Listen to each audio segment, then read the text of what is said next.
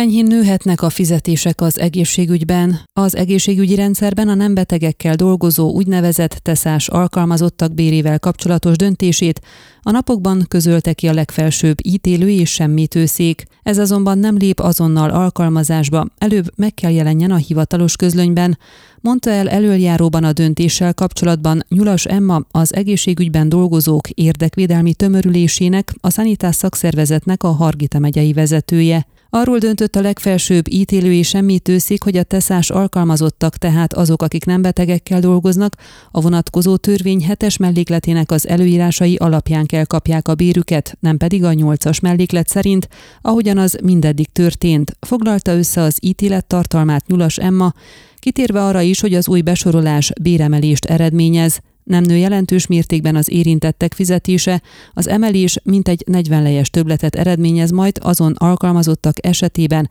akiknek a legkisebb mértékben nő majd a bére, de ez az összeg nagyobb is lehet, attól függően, hogy milyen beosztásban dolgozik az illető és mekkora az alapfizetése, magyarázta a szakszervezeti vezető.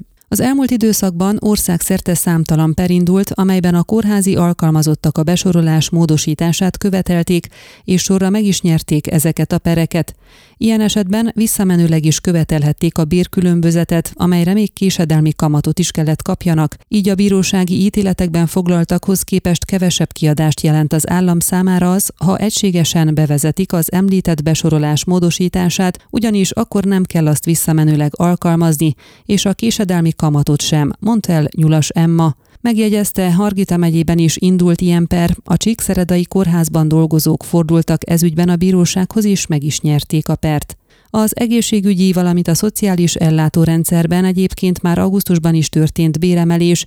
Egy sürgősségi rendelettel jóváhagyott a kormány az érintett alkalmazotti kategóriák esetében egy korábbról elmaradt béremelést. Erre az orvosokon és asszisztenseken kívül minden egészségügyben dolgozó jogosult. Előbbiek azért nem, mert számukra már korábban jóváhagyták azt, továbbá a szociális ellátórendszerben dolgozóknak is jár. Noha ez az intézkedés már szeptember óta érvényben van, mégsem nőtt minden intézményben az érintett alkalmazottak bére. A Szanitás szakszervezet legfrissebb összesítése szerint országszerte 26 ilyen egészségügyi, valamint szociális intézmény van, köztük két Hargita megyei is, amelyek a megyei tanács alárendeltségében működnek, a Tölgyesi Pszichiátriai Kórház, valamint a megyei Szociális és Gyermekvédelmi Igazgatóság. Utóbbi, amint arról a hónap első felében írtunk utoljára, amúgy is anyagi gondokkal küzd, már októberre is csak szűkösen elegendő az intézmény költségvetése, és ha nem kap költségvetés kiegészítést, novemberben már nemhogy fűtésre, de a szociális ellátórendszerben élők élelmezésére,